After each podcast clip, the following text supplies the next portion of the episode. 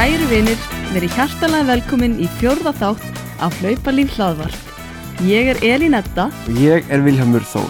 og við erum bæði ljón í stjörnumerki. Mm Ef þú ert göturhlaupari, brautarhlaupari, fjallahlaupari, léttur og nettur skokkari eða bara wannabe hlaupari, þá ert þú komin á réttan stað. Jæja, Elín, herri, núna komið að hérna hlaupa staðarind, að hlaupa spurningu þáttarins, vikunar. Ok, Til í hana. ég er Ég mjög ætla, til. ég ætla að hérna, koma með tvær spurningar á því. Ok, tvær. Það tengjast, tengjast, tengjast innbyrðis. Já, ok, ég get ekki við. Hver heldur þú að hafi verið meðal tími þeirra sem luku við marathón í bandaríkunum árið 2014 hafi verið og það er þetta um Karla. Ok, Allir sem klárið marathón Mhm. og bara, meðaltalið bara. já, Uh, ég segi bara fjórir 30. út þetta mjög nált í sko. Ó, 426, í alveg. Ok, en, hva, en hvenna? Fjórir 50. Og tveir. Nei, Jú. hættu nú alveg. 426 og 452 Þetta er sem öll marathón í bandaríkjunum Ok, geðvögt. Ég er bara spot on. mm -hmm. Bara glæsilegt, vel gert En hvað segir, eigum við ekki bara að vinda okkur í viðtal vikunar Jú, eða? ekki bara Jú. Hver var viðmaldi núna hjá okkur? Arnar Pétursson. Rétt Uh, Arnar er ekki bara heltanaður allt áriðin kring og sjúklega góður hlaupari, heldur er hann líka svakalega klár. En það er hann með alveg miljón háskólagráður. Já, Arnar hitt okkur til að tala um það sem allir hlauparar hræðast mest. Mhm. Og hvað er það? meðsli Meðsli. Meðsli. Meðsli og svona atvik sem svona, og Hvað við getum gert til að koma veg fyrir meðsli Já, En það ekki þetta er bara alveg stór punktur og ég er vissum að það eru margir sem hafa áhugaði að hlusta þetta viðtal. Arnar er svona bara algjör alfræð árabók fyrir hlaup Já, Mikil uppspretta af fróðleik og, og, og hefði bara verið gaman að tala við henni marga daga. Tíminn leið mjög hratt ef við hefðum ekki stoppað hann af þá hefði hann örgulega talað um marga daga Það Algjörlega. Og Við- við bara fáum hann aftur í viðtal. Já, við tókum þetta náttúrulega bara upp á skokkinu líka. Það var alveg geggjað sko. Slá tvær flugur í einu höggi. En við fórum svona í viðtalinu yfir ímislegt, til dæmis uh, hvernig maður skilgrinni miðsli og hvað svona viðvörunabjöllur maður þarf að hafa bak við eira svona til þess að vita eða, eða fá svona tilfinningu fyrir því hvena maður er að fara að meiðast. Akkurat og líka að segja við það sko hvað við getum gert til að koma veg fyrir meðsl sem margir vantilega pæla í því það vill lengi vera meittur mm og svo kannski fáum við svaru spurningunni er hægt að vera hlaupari sem meðist aldrei? Já, ef bara ekki vind okkur í viðtalið? Jú, ég held að þetta er bara að vinda okkur í viðtalið. Já, hér kemur Arnar Pétursson, gjör það svo vel.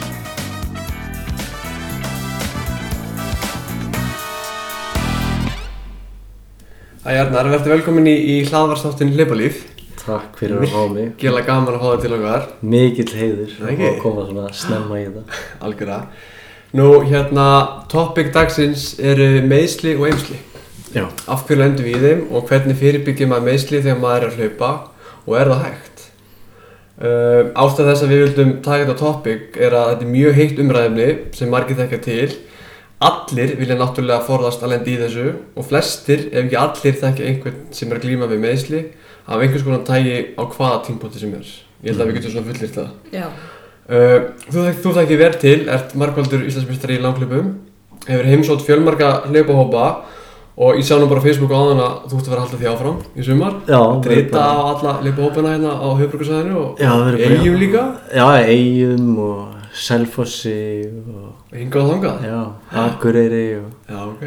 Geggjað. út um all land sko Hljóma vel. Ég myndi bara segja að þú væri svona frægasti hlauparinn á Íslandi. Já, ég ætti að segja það Herru, svona í kjölfara þessu vildum við kannski bara fá að kasta á þig fyrstu spurningunni. Uh, eru meðsli og eimsli órjúvalegur partur af hlaupum? Hvað er svo þitt teika á það? uh, Ég myndi segja uh, alls ekki bara þú veist þú átt það á eiga allir að geta hlaupið bara lengi og vel og án þess að vera að meiðast með einhverjum alvarlegum hætti nema náttúrulega að þú sért skilur með eitthvað í beinabyggingunni eða eitthvað svona innbyggt sem að er að valda því að þú sért að meðast en þú ert, ef við segjum bara gefum okkur að þú sért með þokkalega eðlilegan hlaupastíl og líkansbyggingu og það er ekkert svona innbyggt í þér sem er bara að valda skekkju eða eitthvað svoleiðis þá ættiru bara þú veist því miður þá ættiru bara geta verið heill alltaf. En ég segi því miður að því að þá hugsa margir ég er alltaf meittur eða meitt eða ég er alltaf að díla við eitthvað. Og það eru bara hérna því miður ástæði fyrir því sem er oftast hægt að benda á bara svona eða, veist, þá eru þið bara ekki semst að fylgja þessum grundvallar reglum sem þú þarft bara að fylgja til þess að vera réttu megin við línuna. Ok. og til að mynda veist, því miður þá eru hérna, það byrjaði mjög mikið á því miður það er líka tengist eimslum og meðslum en hérna að þá voru rannsóknir sem að sínt sko að, að hérna alltaf eitthvað frá sko 30 upp í 60% af hlaupurum eru á einhverjum tímapunkti að, í ofþjálfun eða ofþjálfunar fasa með líkamann á sér. Já, ok. sem er alltaf fáranlegt, tala. og þú veist, allt og margir er að gera í rauninni of mikið. Og hvað of mikið er, er algjörlega einstaklismundið sem er annað sem þú þarfst að hugsa um sko, að því að þú veist á meðan að ég geti kannski verið að hlaupa 150 km viku og þá myndi ég hugsa, erum minn langar að vera svona góður að hlaupa, veist, ég þarf að hlaupa 150 km en þú veist þú hefur kannski bara innistæðina fyrir að gera það og ferð að gera allt og mikið að þú ert að reyna að eldast kannski við einhverja óraunhafa svona eh, mynd eða markmið sko. þannig að maður er alltaf að líta á þetta svona persónubundið og hvar stend ég núna og hvað er ég í tímabilinu, hvað er ég í ferlinu mínum og hvað eru markmiðið mín Já, eru þessar rannsóknir sem þú ert að vísa í, er þetta gert þá bara á öllum hlaupurum eða er þetta okkur um svona undirflokki þú, þú veist, þetta var, hlaupurum? þetta er í hérna bók sem heitir hérna 1.59 sem er semst bók sem fjallar um hvernig geti, getum búið til eða svona hlaupara sem myndi geta hlaupið undir eða semst á 1.59 eitthvað Já. í marathoni og þá er þetta bara svona þetta er einhver svona rannsóð sem næri einhvern ákveðin langan tíma hjá þú veist alls konar hlaupurum Mm. en síðan alltaf hitta þú veist ég myndi örgulega með þess að halda að þetta væri jafnvel herra ef þú tekur bara hvað þýðir þú veist hvað er að vera í ofþjálfunar fasa. Það er líka alveg sko þú veist það máli deilum það hvað er ofþjálfun, hvenar ertu í ofþjálfun ertu komin í ofþjálfun þegar að líka hann er búin að gefa sig þú veist, að þá veistu að þú varst fyrir vist í ofþjálfun Já, en það er ekki þannig, þetta er í rauninni eins og ég tala um sko uh, þá eru svona tvær línu sem við viljum æfa upp að ef við viljum að ná svona eins og mantra hjá mér þú veist að hámarka líkunar árangri á meðan og lámarka líkunar á meðslum mm. og þá þú veist erum við að æfa semst á ákveðinni hámarks árangurslínu sem að metur semst á við hvaða æfinga ála þú getur verið án þess að byggja upp einhverja langtíma þreytu og síðan ef þú ferð yfir þessa hámarks árangurslínu Mm. þá ertu komin í svona fasa þar sem þú byrjar að mynda þreytu í líkamannum en þú getur verið alveg ágætan tíma á því svæði sko. en ef þú ert of lengi þar og fyrir of mikið álag þá ferðu yfir sagt, þessa off-þjálfuna línu og þá ertu semst, ef þú ferð yfir hana þá ertu í rauninni bara í vondum málum. Og það sem er að svona líka þessu við er að meðsla líkunar þegar þú ert í hámas árangslínunni þú veist, það getur bara svona skoti tölu, þú veist, það er kannski bara 5% en um leið þú fer yfir það þá línu, þá byrja meðsla líkunar að hækka bara stiga vaksandi og þetta er fyrir veist, bara þú ert búin að vera í viku, að, e, þú veist, að segjum að hámas árangslínaðin sé 100 km viku. Ef þú hleypir síðan viku 110 km þá kannski fó, ertu með núna 15% líkur á veist, meðslu síðan þú ert síðan aðra viku ert í 120 km þá er komið sem í 30% og síðan þú myndir fara þú veist, myndi, þessi einstaklega myndir hlaupa síðan 200 km viku þá væri kannski bara, bara veist, 70% líkur á að ferð yfir ofþjóðalínuna og samaskapi því lengur sem þú ert yfir þessari hámas árangslínu því, því fleiri rólegar vikur þarfst að taka til þess að komast aftur fyrir aftanna já, ég skil. Þannig að þetta er í rauninni um leið og fer yfir hámas áranguslínuna þá byrjar að hlaupa niður brekku. Og við erum alltaf fljótar að hlaupa niður brekkuna heldur en upp brekkuna. Þannig að þú ert maður að hlaupa niður brekku í tvær vikur Já, þú veist þá ertu meira en tvær vikur að komast aftur fyrir aftan hámas áranguslínu Já, að þá þarfst að taka, þau segjum við að vera í æfingabúðum í tveim vikum já, að þú veist þá þarfst að vera allavega svona og þú veist, þú fórst lengst yfir þú vilt náttúrulega ekki vera lengst yfir hana en ef þú varst lengst yfir hana þá getur þú tekið þrjár vikur af rólegum mæðingum bara. Það sem ég á ekki vera mikið álega til þess að komist aftur fyrir aftan hana.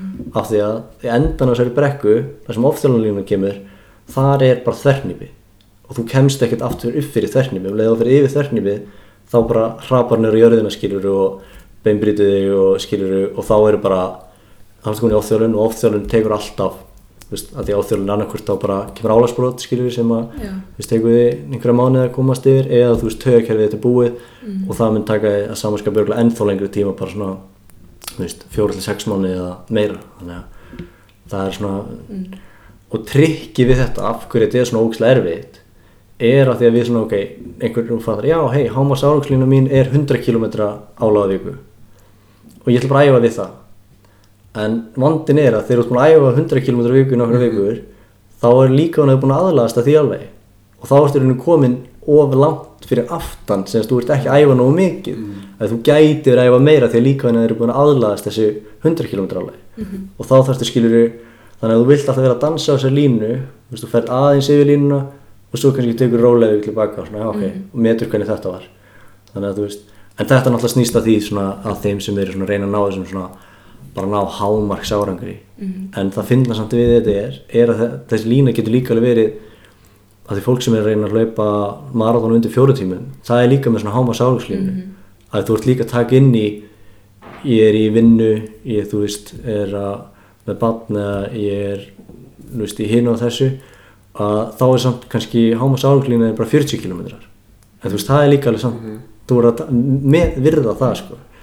Þannig að þú veist þetta er svolítið svona að því að fólk reynir við reynum bara einhvern veginn alltaf að gera eins mikið og við komist upp með.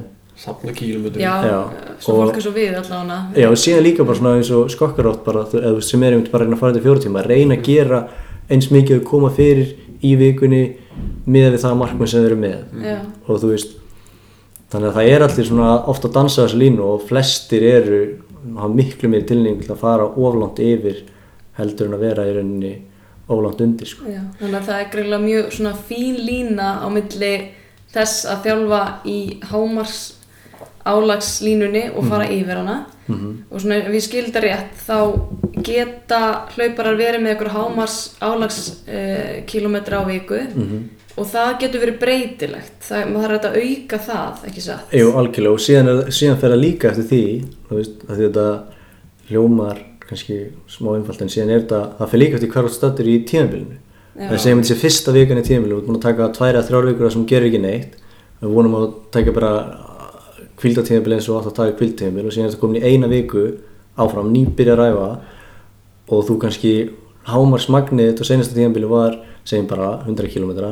og þú kannski hámarsmagnið þetta senasta tímabili var segjum bara 100 km þá ferði ekki fyrstu vikuna í 100 km þótt að það var það senast sem hún varst í þú veist, þá er bara hámarslínaði kannski bara 60 km þessa fyrstu viku En hvernig vistu þetta? þannig að þetta er, þú veist það sem er náttúrulega snýst ótrúlega mikið í hlaupinum er Já. svona líkams meðvitund, þekkja líkamæði þekkja mark takmörkiðin Einmitt. og, og þar kemur til veist, eins og að vera með þjálfara eða vera með æfingadagbók, þar sem þú ert með heldur utanum, ok, ég sá ég er með, segjum bara, þú tókst fullkomið senasta tíðanbil Mhm. og átt svona mjög góð lengd á tíðanbili þú veist, eða svona 20-26 vikur. Segjum bara varst í 20 vinna tíðanbili og þú ert með bara skráið við það.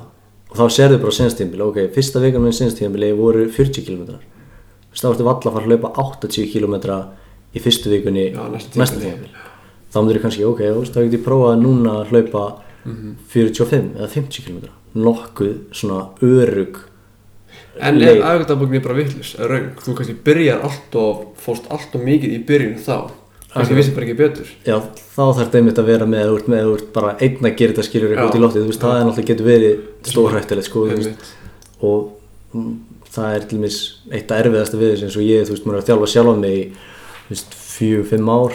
Og þú veist, þetta er eitthvað sem þú þarf að vera ógíslega meðvitaður um, sko, Akkurat, sko. af því að þú veist, maður er alltaf, við erum bara með þessa sjálfsmynda bjögun, við höldum alltaf að við getum gert betur en raunber vitni, sko, við höldum oft að við séum eitthvað svona meira spesial heldur en við erum í rauninni. Og það er líka svona eitt líkillin að meðast ekki er áttað á því að við erum öll bara mannverur og manneskjur og við getum ekkert gert eitthvað hérna þú veist, við erum ekkert sérstök. Þú veist, maður er bara átt að segja, ég er ekkert sérstökur og þú veist, maður, ég hef alveg svona þá veggi sem ég reki með á hef verið svona heppin að geta verið mjög snöggur að draga í land með. Eins og það væri eins og sem ég fannst ekki vera að bæta mér of mikið. Og, og þá hugsaði ég, þú veist, að ég verið að hlaupa of, of hægt í rólega skokkinu Já. þannig að þegar ég verið að taka svona endurheimtar rólegu skokkinu á milliæðinga þess að það er tekin erfið sem rólega æfinga á þriðudegi Já, daginn eftir. Já. Já. og, og þá myndi ég reyna að hlaupa hana hraðar en ég gerði venjulega til þess að reyna að ná í bætingar þar. Já, ég skil. En það eina sem það gerir er að það setur meiri Já. þú nærði ekki að þessari endurheimt sem þú átt að ná í rólega skokkinu Eftir þess erfið aðeingu undan. Þannig að þú tókst erfið æfingu á móndi svo tókst oferfið æfingu á þriðudegi og svo ætlar að taka aftur erfið æfingu á Einmitt. og hún var alls ekki nógu góð þessu hérna átti að vera rólegt skokka á fimmtudegi en þú leipir það hraðar að þú ert að reyna á bætingum og maður var mjög snöggur bara, svona, já, já, já, ok. Ég var svona heppin að vera þá meðvitaður um það bara svona, já, ok. Þetta er ekki, þetta er ekki málið sko. Heldur að þetta sé algengt vandamál hjá hlaupurum að þessi taka of mikið of hratt? Allt og mikið sko, þú veist að þú ert að það er oft sem við áttum ekki á svona hver er ástæðan á bakvið æfinguna. Eins og til dæmis með rólegt skokk sem er bara ekki hægt að segja þetta og oft bæði bæði rólegt skokk í uppbytun fyrir æfingu og rólegt skokk eftir æfingu niður skokki og svo þeir eru að taka bara 30 mínútur rólegt skokk einhvern, á einhverjum degi. Að það er ekki hægt að fara of hægt. Og þú veist en það er mjög eina leiðin til að klúður sér að fara á hratt. En svona fyrir þá sem að eru kannski vita ekkert hvað þú ert að tala um með rólegt skokk, hvaða púls ert að tala um svona sirka? Það- af hámarspúlsi? Eins og ég segi þá er þetta bara þú veist þú getur ekki farið ofægt þannig að þetta má þú veist að því að aðalmáli við þetta er að hafa blóðitt á hreyfingu verið í virkri endurheimt að þjálfa hjartaðitt samt í leiðinni -hmm. og til að þjálfa hjartaðitt með þannig að hjartaðitt slæra á 100% krafti þá þarftu bara að vera í kringum 60-65% af hámarspúls og það er eins og ég segi, þá ættu við að geta tekið þetta podcast á rólegu skokki Já. og ættu að geta spjalla á því Við reyndar erum náttúrulega á rólegu skokki núna. Já, sem að fólk veit ekki Já, og við glemdum náttúrulega að segja það. Já. Við erum hérna á ægisveginna sko, ætlum þetta að slá tvær flugur í einu höggi sko. ég sagði, gæti ég já. því ég er að fara á æfingu og bara, hefur ekki máli, við Höldu bara bara upptökutækir hérna Já, það geggjað. en þetta er samt alveg bara ógísla stór punktur að hafa rólega sko ekki nógu rólegt að því það er, það er þjóna þeim tilgöngi að vinna úr æfingunni sem var deginum áður Mhm. og gera því undirbúinu til dag, æfingunni sem er daginn eftir. Ekki, þetta er ekki æfingi sem þú ætlar að ná í þínar bætingar. Eitthvað, heyrðu ég er að hlaupa rólega sko ekki mitt miklu hraðar. En ef þú ert ekki að hlaupa alla gæðaðingarna þína líka erfiðaðingarna hraðar þá segir það ekki neitt sko því að við getum alltaf hlaupið rólega sko ekki okkar hraðar. Af því að þetta er það hægt, þú veist það er ekkert eitthvað er eitthvað stórkostlegt afreg en, en ef þú getur til dæmis tekið þá verður að taka, æfa, komin í loka fasan að æfa fyrir 10 km hlaup og myndir taka 10 svona 1 km á 10 km race pace með kannski 1 mínúti á milli og þú væri skiluru 20 sekundir hraðari á kilometrinu að þið verið áður. Það er gott. Já, en ekki og varst eitthvað, ég hljóp rólega skokki mitt bara eitthvað mega rætt bara, já ok, en það, það varst ekki á rólegu skokki sko. En er það bara ekki það að fólki finnst kannski erfitt að hlaupa þannig að það líður eins og það sé ekki gera Það sé hlaupa- bara svona að þú kemur klára æfinguna þú alltaf svitnar. Já. Þú verður að gera eitthvað. Að ég, maður ma ma pæla oft í sig sjálfur sko. Að fara nógu hægt Já. þú veist, er erfitt. Bara svona með allt. Sjá okkur taka fram úr hérna ægi sínu bara Já, bara, veist, og ástæðan við vitum að þetta er erfitt er að það eru svo fáið sem gerir þetta þú veist, Já, eitthvað sem já. allir gera er mjög auðvelt. Og það er mjög auðvelt að fara hratt í rólega skokkinu það er mjög erfitt að fara ofhægt af því að það er ekki hægt. Mhm. og þannig að að fara nógu rólega er erfitt og við vitum að það er erfitt að það eru mjög fáið sem að kunna gera það Já. rétt Allir þessi bestu, bara þeir sem keppa ólipiljökunum, marathonhlauparar, þú veist, millivelhlauparar, eru þeir í það sama? Bara hlaupa mjög hægt á milli þá erfiðar æfingu? Já, þú veist, það átta sig allir á því að þetta er ekki bætingarnar Þú veist, þannig ertu í rauninni að vinna úr, eins og segi, vinna úr æfingunni Já.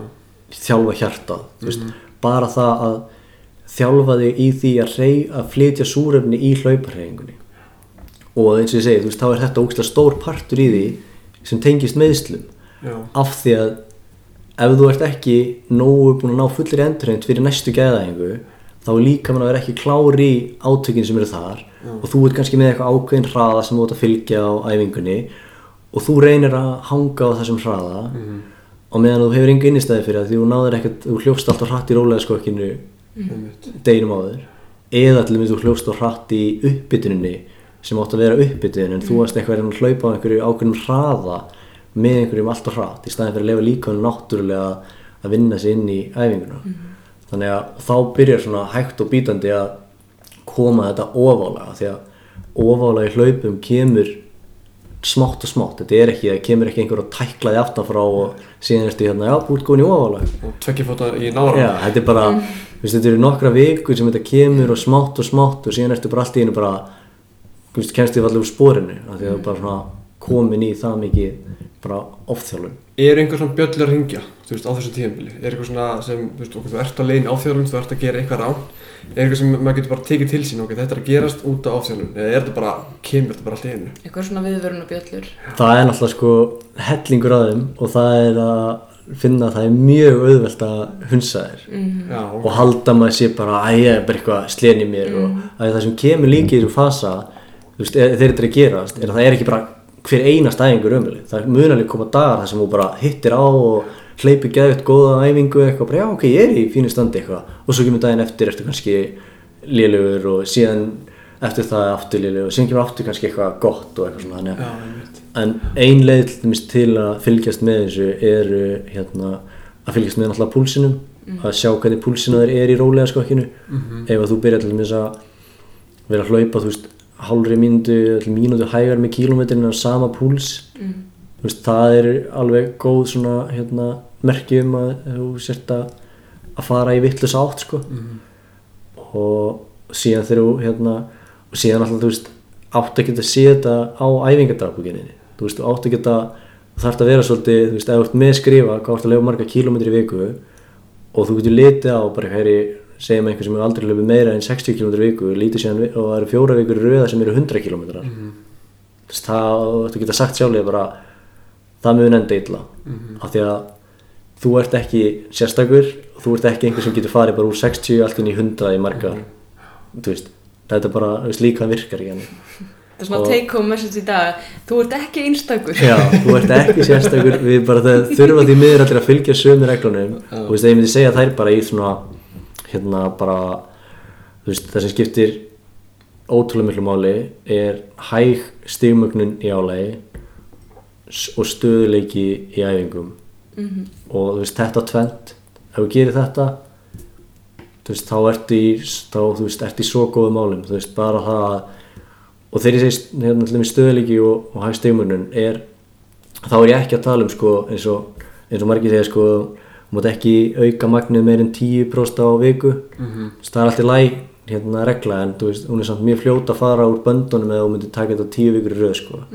Þá fer já, skilur einmitt. Úr tíu yfir 10 í og hundra og alltaf 10% 10% 10% 10% 10% og það sem að þetta er er þetta er ekki hæg stigmögn í álagi og engin stöðuleikja það er engin stöðuleikja nægum það er ein vika sem er 20, svo 22 svo 24, þú veist, þetta er ekki stöðuleikja veist, þetta er alltaf eitthvað að breytast í rauninni það sem er betra að gera í flestum tilökum ef þú ert að auka magnið er til dæmis að hlaupa veist, og þetta er þá ert komin inn í tíðanbilið að þá er til dæmis að hlaupa 60 km, 60 km og svo hlaupa eina viku 70 km og svo kannski fara eina viku tilbaka þar sem þú hlaupur kannski 55 km Já, og fara þannig síðan upp. Þannig að þú tekur allavega tvær vikur sem er mjög svipa álag svo kannski einu og svo kannski ein alveg í kvíld þetta er svona nokkur skrifa áfram Nokkur skrifa aftur Já. á bak.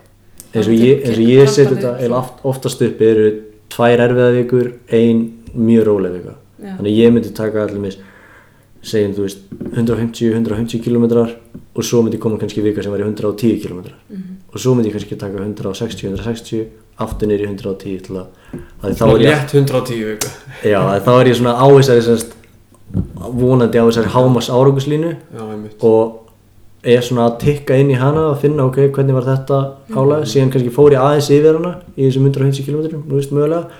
En þegar ég tek þessa rólegu viku þá fer ég veist, vonin á að fara alltaf aftur, fer aftur hana aftur. Þannig að þetta er svona en þegar maður tekur þrjár vikur í röð veist, þá áttir stundum á hættu að vera komin oflant aftur. Og þannig að einu vika er ekki endilega nóg til að koma þér aftur fyrir aftanis línu. Þannig að þá ertu kannski fastur í ofþjálfunar sóninu og getur byrjað að færast alltaf meira og meira nær bara alveg ofþjálfun ef hún er ekki að koma þér aftur fyrir aftur línuna sko. Þú hérna, þú ert að gefa út hlaupabók, Arnar. já, Eh, vonandi svona einhvern tímann á Já, þessu ári þú ert að tala um það og ég, hérna, ég er búinn að glugga þess í hlutaðinu. Og svona rauðið þráðurinn í bókinni og sem svona, þú talar mjög mikið um, eins og þú hefur komið inn á í þessu viðtali núna hinga til, er þessi æfingadabók. já, Þú talar mjög mikið um þetta, það sé bara mjög bara, hérna, mikilvægt að hlauparar loggi inn hlaupi sín og hvernig fólk bara leið á æfingunni. Mhm. Fólk gleymir oft kannski viku síðan hvernig, hvernig leið á æfingunni fyrir viku síðan. Það er best að gera bara strax. Og þú hefur að hitta mikið fólki færi skokkhópa og, og, og er, er þjálfur náttúrulega, er þjálfur fólk Mhm. finnst þér vera skortur á þessu að fólk sé að, sérst, að halda út æfingabók eða dagbók bara algjörlega að, þú veist, það eru að því að það eru allir að hlaupa en það eru mjög fáið sem eru með þennan kultúr, ég meni ég vissi ekkert af þessu kultúr áður en ég kom inn í hlaup og þetta kom bara mjög mikið óvart þegar hérna ég byrjaði fyrst hérna ég sé að menn vera að skrifa nýður allar æfingar, skrifa tímana, kvildirnar rosalega vinna á og bara, tími já, og ég var alltaf bara eitthvað, hvað er hvernig, hvernig leið mér Já, og síðan sko hérna og ég, ég man ég var að sjá æfingardagbókinni hjá hérna Toppa af við að hetju að hérna að mér veist að það er stórmerkilegt sko. Að ég, þau skrifuðu í stílabók og ég, já, ok, ég já, en ég hef aldrei gert það sko. Ég mitt hugsaði, eða, þú veist, mér, þegar ég hugsaði mér bara oi, bara um ég er líka að skrifa svo illa, ég myndi ekki skilja hvað ég var að skrifa Já, sko. ég bara skilji hvernig ég netta að gera þetta sko. Og, Nei. en, en á þessum Æ, tíma gaman, þá var hérna hlaup.com hérna?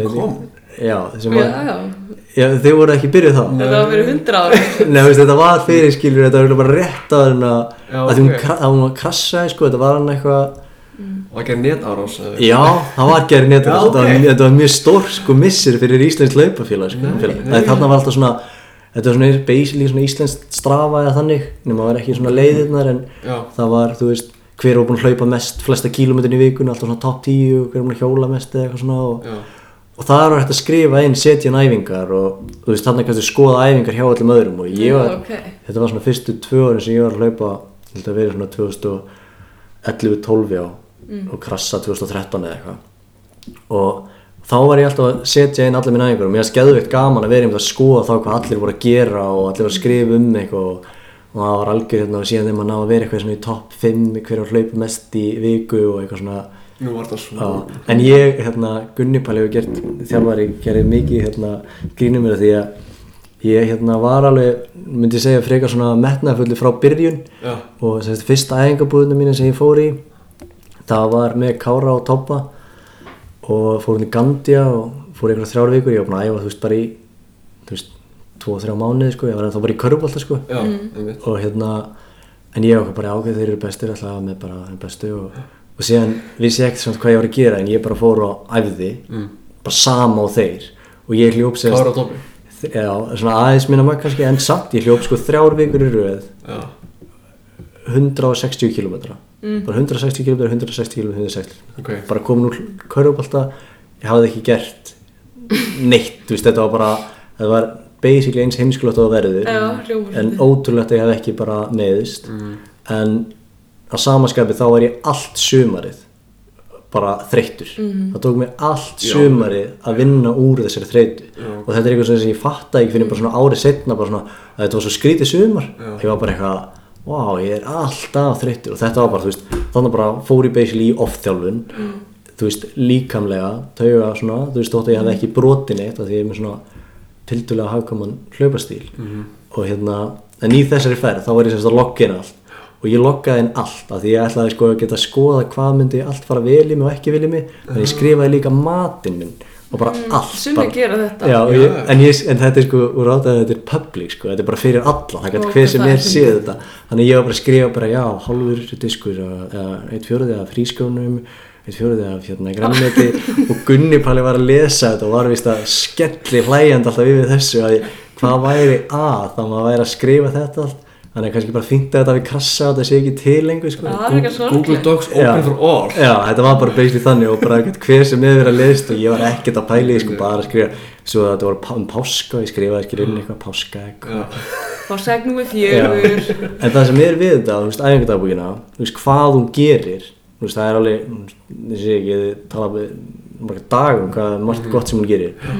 En hún hérna liðlega mikilvægasta er að hún þjálfar með okkur þessa líkast meðvitund sem við verðum að vera með til þess að bæði áttu gráði að við séum hvort við séum að taka réttaræðingar og hvort að við séum að fara mögulega að þróa með okkur einhver meðsli eða hérna, bara hvernig okkur líður. Að þú veist að vita hvernig þið líður. Og það er ótrúlega mikilvægt sem hlaupara því að við getum alltaf einhvern veginn mætt á æfingu og keft á æfingunni og tekið þannig réttu tímana sem við áttum að taka. Akkurat. en við vorum ekkert að taka rétta æfingu af því að fílingurinn var fáranlega þú veist, þú varst bara að keppa á æfingunni sem er bara senast sem þú átt að gera. Já. og ef þú veist að þú ert að fara að skrifa í æfingardagbók eftir æfinguna þá ferðu með aðeins öðruvísi mindset þegar þú ert í æfingunni. Þú veist, þú ert að hlaupa og þú ert svona að hugsa ok Hvernig þú- á mér að líða? já, pælir í því aðeins svona af því að þú veist að þú ert að fara að skrifa í hana eftir og þú hugsaður kannski, og líka þú ætlar að, að því, að það sem þú- ég vil alltaf að fólk skrifa í hana er hvernig líður hvort það fann einhver eimsli og síðan þú veist eiginlega skiptir minna máli þú veist hvað þið tóku actually á Mhm, eitthvað en, tímar og já, svona. en það sem skiptir mest máli er, þú veist, fann, fannstu fyrir bara einhvers þar skiptir ekki máli hversu lítið og hérna og varstu, þú veist, vel eða þú veist, leiðir geðvikt vel eða þú veist, bara var þetta bara besta hlaup sem þú tekið á þú veist, þá er gott að skrifa einskilur og maður líka svona, pælir líka meiri þá í því bara djúvel er þetta geðvikt hlaup? bara eitthvað. og þannig að þetta svona hægt og bítandi þá byrjar að þróa með þessum þessar líkasmöðundun og þá líka þegar ert með þetta sérstaklega í tölvutækuformi þá getur við skoða bara aftur marga vikur á þú veist einni mínúti það er það sem ég sá alltaf við stílabókinu svona býta hvernig ég að fletta upp í þessu? Ég get ekkert eitthvað gert CTRL-F eitthvað og fara í stílabók bara eitthvað veist, að fletta. já bara eitthvað hvenær byrjaði ég? Að því að þetta getur tengst í bara eitthvað svona fann til aðeins í ylinni, vinstri ylinni og svo bara, að hugsa ekkert meira um það skilur, svo ferur bara út að hlaupa daginn eftir og, og kannski búin að gleyma þau að skrifa daginn áður fann til í vinstri ylinni en síðan aftur að hlaupa og finnur aftur til og skrifa aftur fann til í vinstri ylinni og svo kannski finnst þér þetta að vera svolítið mikið og "Ah, þetta er eitthvað smá. Og tjekka þá kannski aftur í bókina og sem bara eitthvað, heyrðu, þetta er búið að koma núna fjóra dagir röð. Bara þetta er ekki, þú veist, ok, ég er, ég er að passa mig núna, veist, þetta er ekki eitthvað sem gerist í dag. Af því að við mitt aftur þessi svona sjálfsmynda bjögun við höldum alltaf svona eitthvað þetta var bara, þetta var ekki neitt eitthvað. þetta var bara eitthvað, þetta gerist bara í dag. Og síðan bara eitthvað, kannski byrja þetta fyrir fjórum vikum, gerist ekki til tvær vikur svo aftur þrjáta, svo aftur og þá svona, já ok þetta er búið að vera svona lengi og Þetta eru svona viðvörunabjöllu já, veist, mjög stórar og þú veist, svona litlir af því að þú veist líka bara svona aðeins stífur í kálfanum.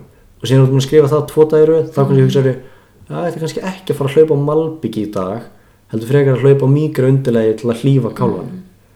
Og þú veist, þetta er svona bara ke jákvæð keðjuverkun sem kemur bara endalist í kjölfæði En hérna, mér langar að spyrja þessu alltaf einu sem að ég held að margir sé að velta fyrir sér.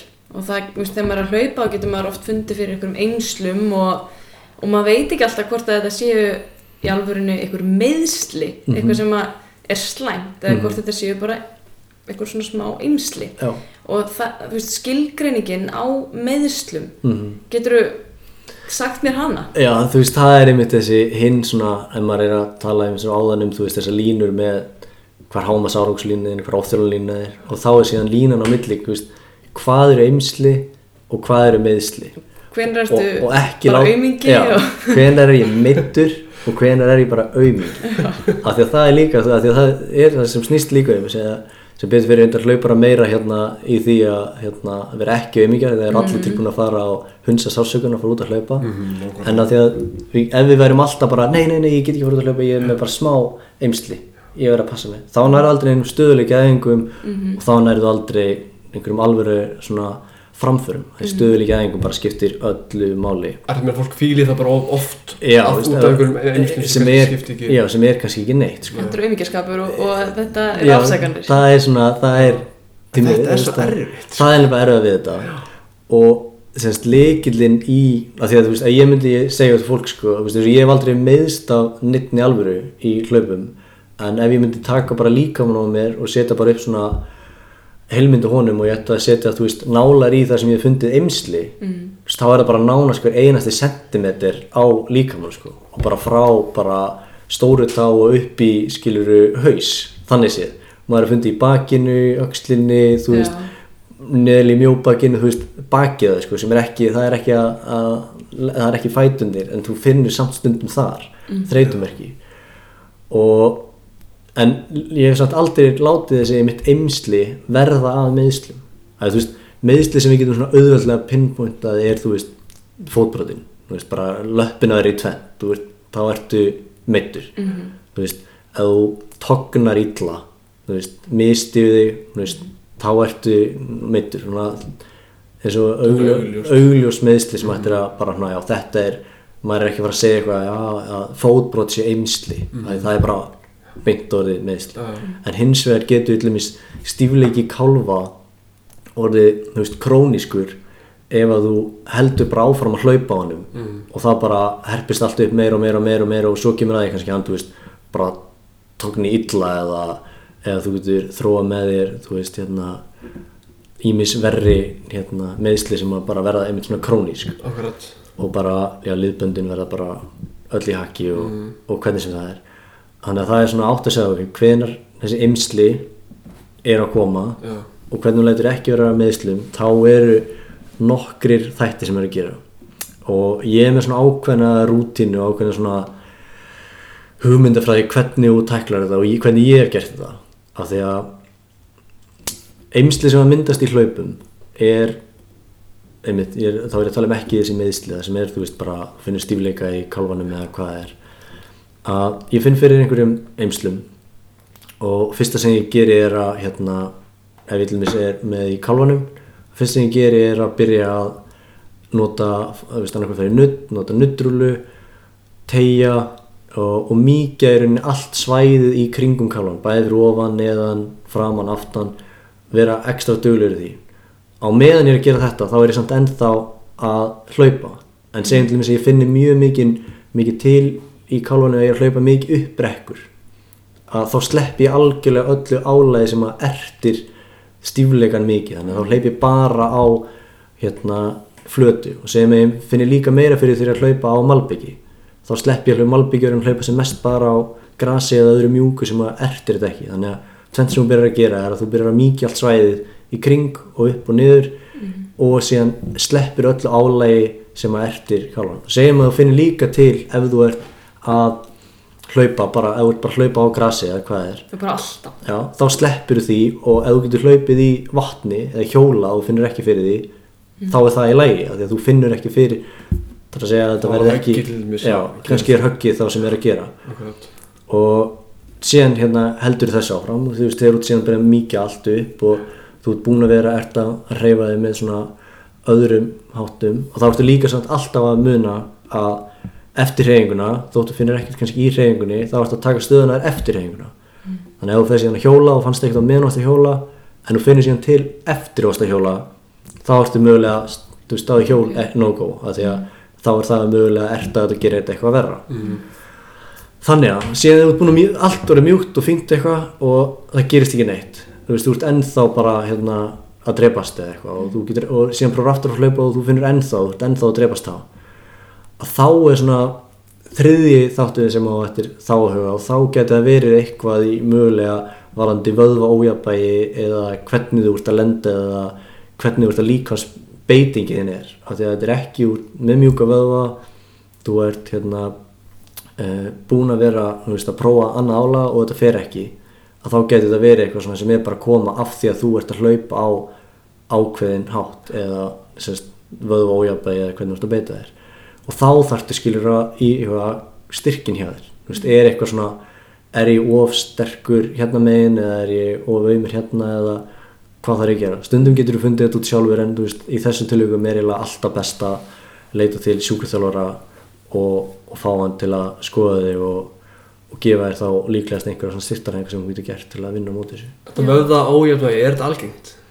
Já, bara mjög, þú veist, ég minn eins og bara það sem er eitt algengast sem að hlaupar lendi er að, eða svona, já, tvent allavega sem er mjög algengt, þú veist, það er þessi meðsli utan á njánum og síðan er þetta oft bara svona hvernig, hérna, já, og það, það er semst tveir vöðvópar sem verða mjög út undan þegar við erum að hlaupa og það er svona þessir ofarlega í rassin, rassvöðunum Já, utan á og svo eru það hamstringi eða aftan lærum sem að hérna eru oftast bara veikastir hjá hlaupurum. Þetta er bara- rýrna bara í rauninni. Já, þeir eru bara því meira svo hlaupu því verri verði sér vöðvar Hlaupar með svona lítla rassa. Já, mjög oft sko, það algjörlega. Og, hérna, og það er líka annað hérna, það var hérna, rannsón sem að síndi að sko miðverðir semast í fótbalta Já, þeir tóknuðu síður aftan í læri heldur en aðri leikmenn á vellinum. Mm. að þetta eru leikmenn sem að bakka lang, lang mest og þeir eru vörn. Þá eru að virkja þess aftan í lærisvöðana þannig að þeir eru bara með sterkari og betri vöðva því að sterkari vöðvar eru bara betur byggði til þess að taka á móti höggunum, betur taka á móti álægi og það er líka annað sem skiptir máli í meðslum er að vera með sterka vöðva sem geta tekið á móti höggunum og þá eru þeir síður í því að lenda í því að þú nærði ekki að taka á móti högginu þannig að líka mér reynir að bæta upp fyrir einhvern veginn og byrja þá að setja eitthvað skrítið álæg á þig. Já, já, okkur aðra staði og já. það fyrir verkið það þannig að þú veist styrtaræðingar er náttúrulega líka bara mjög stór hluti af því. Ég, hérna, ég fengi verki, hefur meittur, fengi eimsli bara hér og þar eins og flesti hlauparar og, og ég fekk eins nýja haminn.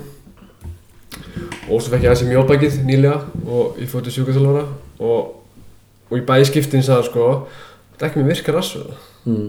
þú veist, og, og alls ekki náðu sterkar rassvöða Mm. og hérna samt er búin að gera framstig, var búin að gera æfingar sem áttu að styrkja svæðið. Mhm. en það var ekki virkur.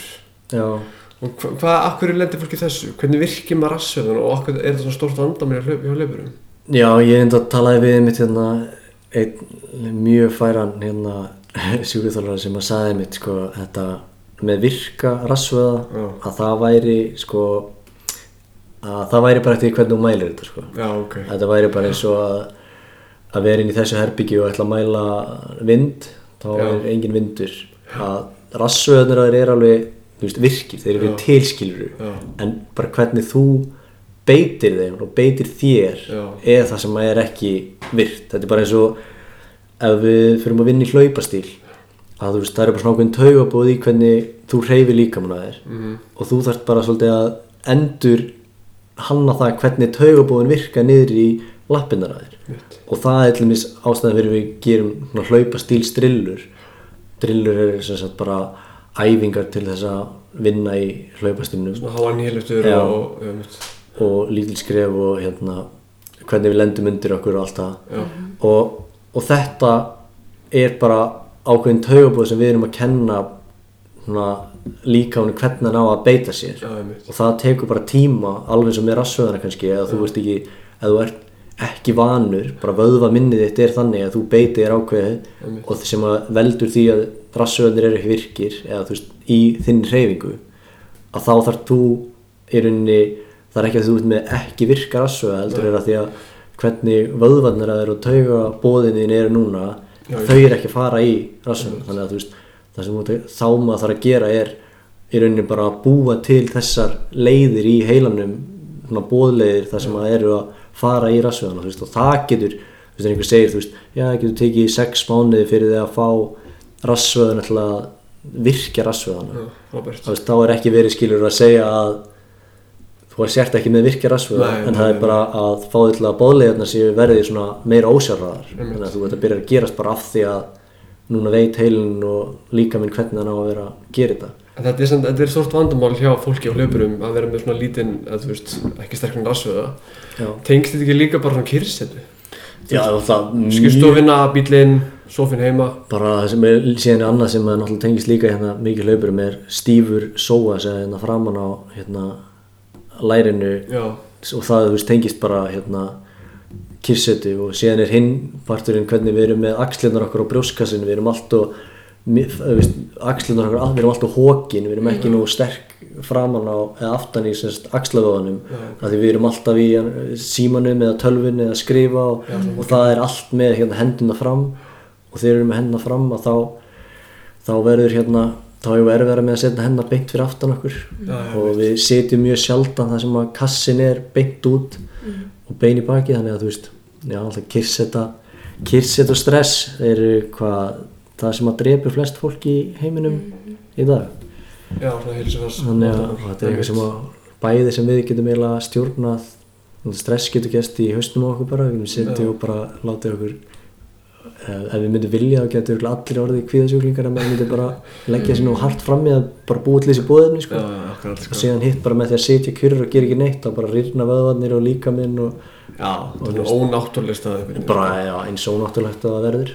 Hérna, þú talar um styrtaræfingar og þetta verður mjög mikilvægt en maður svona heyrir svona oft í kringu sig sko, þetta er svona, svona leiðileg parturinn af hlaupunum sko.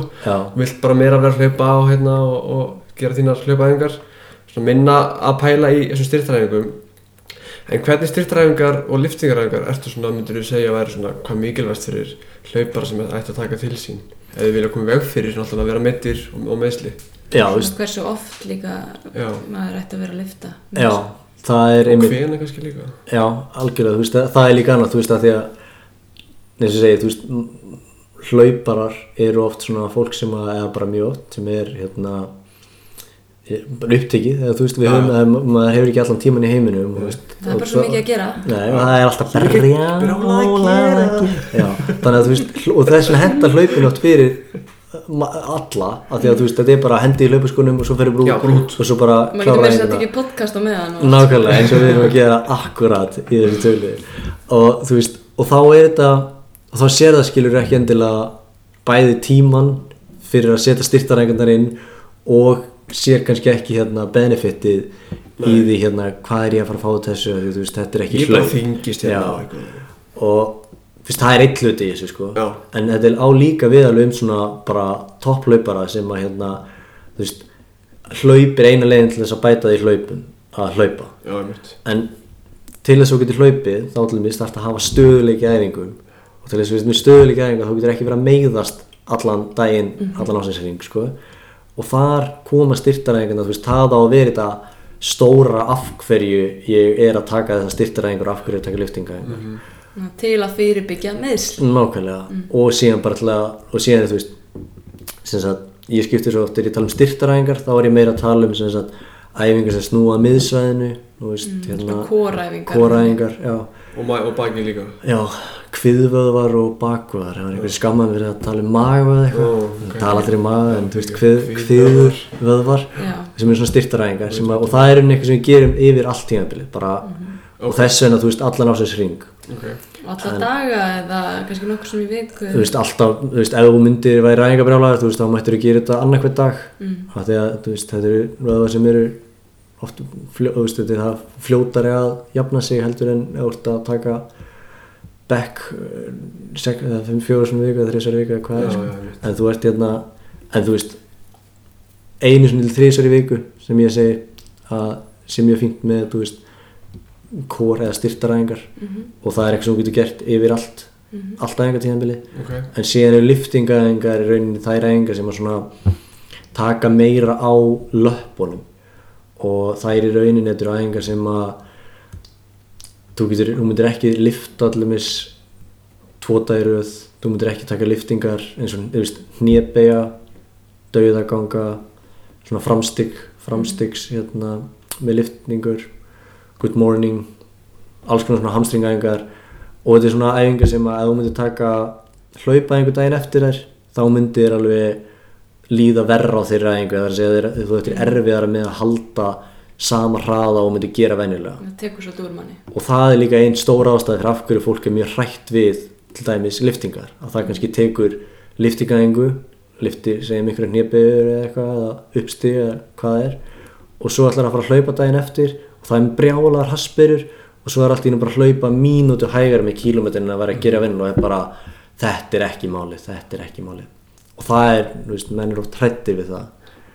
En, veist, ég hef litið á þetta og er bara eins og þegar þú ferð upp í 2500 metra hæð í í að hlaupa þá hleypur líka mínútu hægar en þá ertu í rauninni að setja svona auka álag á kerfið þitt án þess að setja auka álag í höggin sem er að koma. Já, þannig að þú ert í rauninni að fá meira út úr æfingunni að því síðan þegar þú bæði kemur úr hæðinni niður í sjáamál þá er líka hann að þeir svífur og um leið að þú droppa liftingunum setni hlutan á tíðanbylinu að þá ertu líka aftur í bara svona að svífa áfram. Þannig að þú getur sagt sko að þess að ég nota fyrstu 8-10 vikurnar þar sem er alveg góður svona góð einbytting á liftingunum að við segjum bara 20 vinna æfingartíðanbíl og síðan myndi koma kannski fjóru vikur þar sem ég myndi bara lifta einu viku fyrstu 10 vikur myndi ég vera að lifta kannski einu til tvisvar. Síðan kemur kannski fjóru vikur þar sem ég væri bara að lifta einu og svo mögulega bara á tekja vegna fresti. Mm, með bara alltaf ert í- af því að þú, ef við myndum segja taka bara og segjum við væri bara að lifta hnébygju og það væri eitt tíðanbíl, 20 vinna tíðanbíl og þá myndur þú fyrstu 8-10 vikurnar þá myndur þú mögulega vera að hækka þingdir og lifta þingra og þingra og þá kannski í seinustu vikunni segjum við myndir lifta hérna, bara 100 kg í hnébygju og á þá kannski bara þú veist, eftir hvað fólk gerir en allan veist, segjum bara 10-15 endurtekningar. En restin af tíðanbílinu þá myndir aldrei fara hærra en 100 kg því 100 kg væri bara hámastyrkur sem komst upp í þarna og þú ert ekki að bæta í meira setna á tíðanbílinu þetta er bara styrkur sem þú komst upp í þarna og svo kannski ertu bara í 80 kg eða 70 kg restina af tíðanbílinu já, og, og þetta er líka annað þegar þú veist af hverju fólk á erfitt með stundum að setja styrtar og liftaræðingar inn í hitt að því þá verður þetta stundum svolítið flókið að setja þetta allt rétt saman að þá eru fleiri þættir sem þú þarfst að pæli í heldur en bara ok, ég ætla bara að hlaupa á mánudum, miðugudum og lögadum eða eitthvað. Að því þá ert allt inn að byrja að pæla já ok, byrju, má ég taka liftingun núna, ætti ég að gera það, hver er ég stöttur í tíðanbílinu og þetta getur alveg verið svona flóknari pælingar sko. Þetta er mjög trikki já. Finnst þið fólk vera duglegt við þetta í dag, hlauparar? Er, mætti gera mér að þessu? Nei, það er engin að gera þetta. Þú veist það er nánast engin að gera þetta af hérna svona þeim krafti sem og í rauninni ættir að vera að gera þetta. Já, uh, og náttúrulega ef þú ert að gera þetta þá er í fæstum tilvíku sem er að byggja þetta rétt upp. Já, ok. og til dæmis bara eins og ég segi hérna ég vona að hérna, allir sem eru í hlaupahópunum sé að hlusta og taki núna hérna æfingarna sem ég letu gera í fyrra. En þá síndi ég bara svona tvær styrtaræfingar og ein styrtaræfing sem var miklu uppáhaldi hjá mér sem að snýst í rauninni engungu um það að sjá hversu virka litla axlavöðu við erum með. Þar að segja hversu góð við erum að vera með opin brjóstkassa og í bein í baki. Já, taka mér svo, svo. Já, og það er já, það er bara mjög áhugavert að sjá hvað voru fáir sem áttu auðvelt með að fara í semst taka æfinguna sem að snýri að því að, að hafa þessa réttu líkastöðu fyrir hendunar og það er ástæðan fyrir því að fólk missir oft hlaupastöðuna svo snögt að því að þegar hendunar á okkur byrja að fara þá byrja svo margt að fara niður allan líkamann. Og við verðum eins og einhverja svona rækjur í lokin þar sem við, já, já. og byrjum að loka brjóskassanum og missum hendunar ómikið út og hausin ómikið niður og, og þá fyrir höggið alltaf að fara á vittlisa staði í líkamannum og, og þetta er svona keðiverkun en ef þú ert með svona stert bak af því að þetta er inni bara keppni á milli brjóstvöðana og svo litlu bakvöðana og við í, þú veist í, eins og ég segi, þú veist, þá var það var kannski svona fjórir af kannski 500 sem að gátu gert þetta einhverju viti Já, ok. og sem er fáralegt en það er bara því að við erum, þú veist, við erum alltaf við erum alltaf alveg upp bara að gera nóg mikið arbeið svo gerum við plankan sem svona koraðingu ég vil ekki að fólk geri plankan af því að Nei. Það er nógu mikið álag á öxlunum á okkur og að setja brjóskassa fram Já. yfir allan daginn að helst að gera æfingar sem að hérna eru ekki að íta inn í þessa stöðu sko. Ok. þar sem að við erum með hendunar ómikið fram við Já. viljum vera að gera litlar axlaæfingar frekar til að rétta úr hérna kassanum sko og hérna og öxlunum og að þeir vöðvar ef þeir vinna þetta baráttu við brjóskasöðan þá erum við með upprétta brjóskasa við erum með uppréttar líkastöðu og, og það eru mjög margir góðir hlutir sem að koma bara svona í kjölfara því. Það er líka, já, það er svona eitt með þessi æfinga tímabil sem við erum að tala um. Já. og hérna ég allan að fattaði það eins og þú fattaði fyrir mörgum árum með æfinga dagbókina og svona þegar ég byrjaði með meistraflokk að, að það, veist, það var fyrsta skipta á æfinu sem ég heyrði með eitthvað svona æfinga tímabil já, nú erum við í uppbyggingafasa og, nú er ég, og ég bara, veist, ég skildi ekkert hvað fólk var að tala um. Nei, og veist, það er tvö og hálft ár síðan þetta var hjá mér.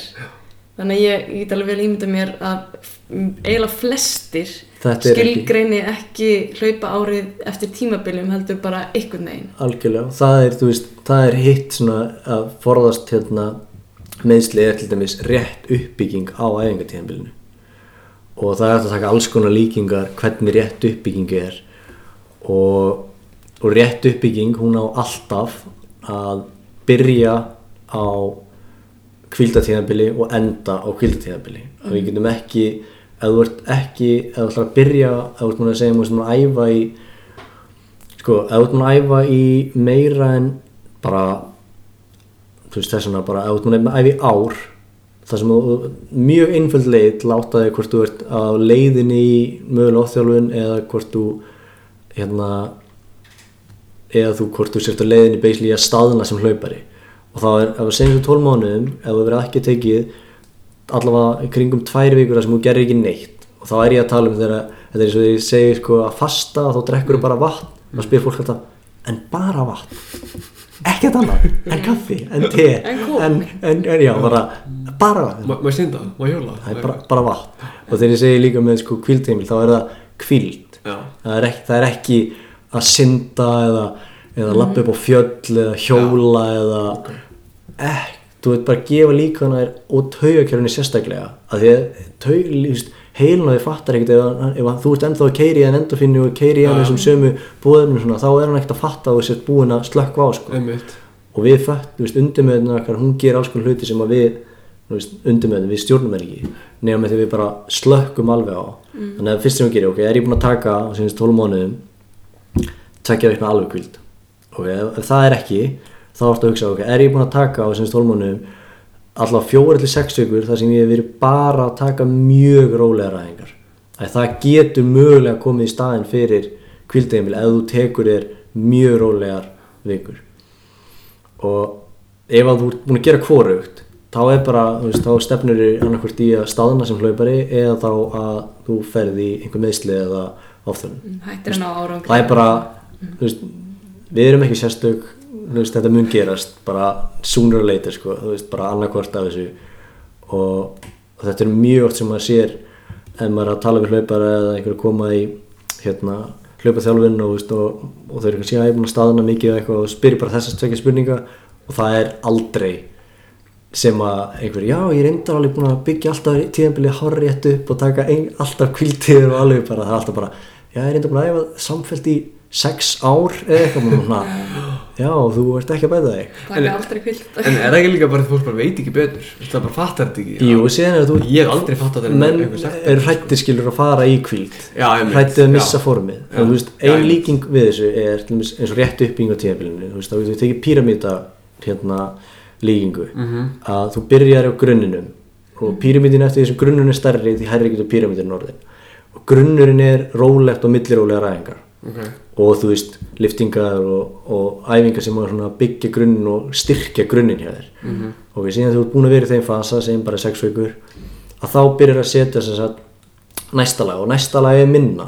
Þannig að þú ert með bæði minna af kílómetrum á því magni sem er, þú veist, þá er aðal fasin til dæmis á mjölkusýru þröskuldinu og hámasúrusöttöku og síðan segjum sem bara svo að það sé líka sex vikur og síðan ferði í lokafasan sem væri bara keppnisfasi. Og þá ertu að taka sérhæðar ræðingar sem að miða við þá keppnisvegalegin sem þú ert að fara að hlaupa í þú veist, sama hvað það er 5 km, 10 km marathon eða utanverð hlaupa eða hvað.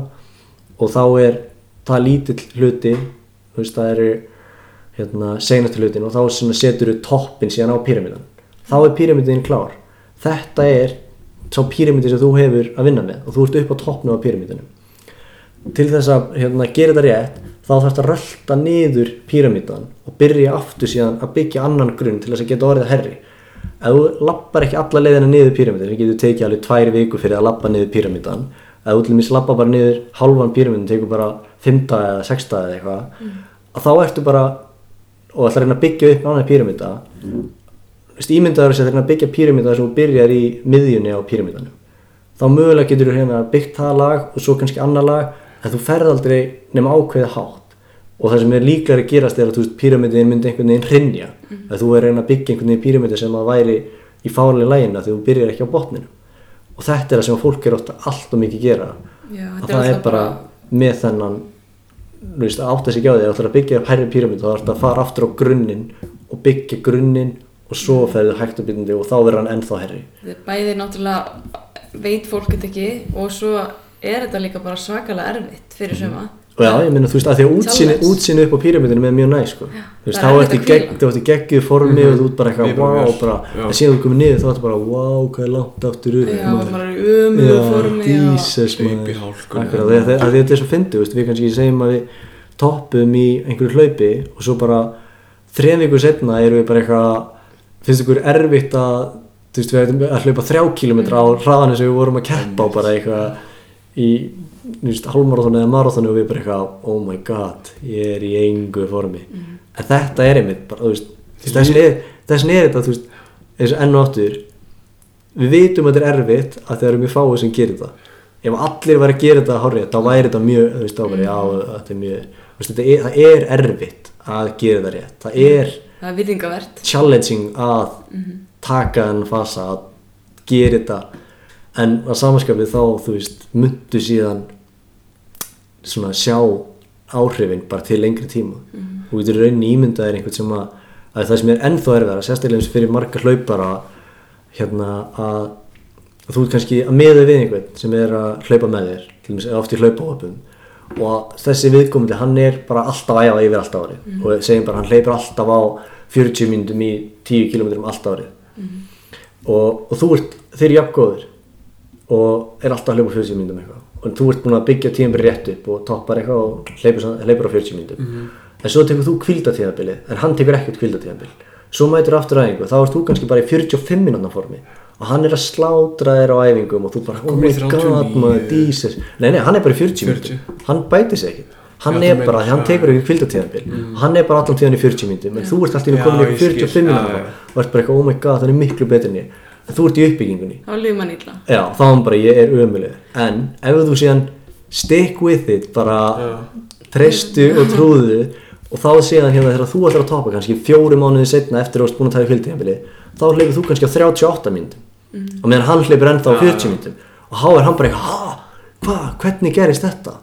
Þú bara eitthvað "Ja, bara æfa og Er þetta að predika þennan bóðskap? Þú ert að hitta þessa laupahópa með Þetta- byggja þetta upp þessum, með, með þessum fösum í rauninni vil ég ekkert eitthvað vera nei, þú veist, ég er svona bara svona að reyna að koma þegar ég kem inn til hlaupahópan að vera með að því að þetta er núna bara í annað ári sem ég fara þú veist að, að því þú vilt líka ekki koma með skilur 101 skilabóð maður frekar að, að koma með ein skilabóð skila já. þeim vel í gegn. Eins og í fyrra þá var ég svona aðeins að að tala um mjölkusýru þröskuldir sem að skiptir ótrúlega miklu máli hlaupa ári Já, og núna er að fara að tala meira um svona hlaupa hagkvæmni, hlaupa stíl ok. og svona tengingu eins og við erum að tala um skiluru að við þurfum að þjálfa okkur í að taka þessar hlaupastilsæðingar til þess að Já. tengja bóðleðir til dæmis í það að virkja rassvöðan þegar við erum að hlaupa.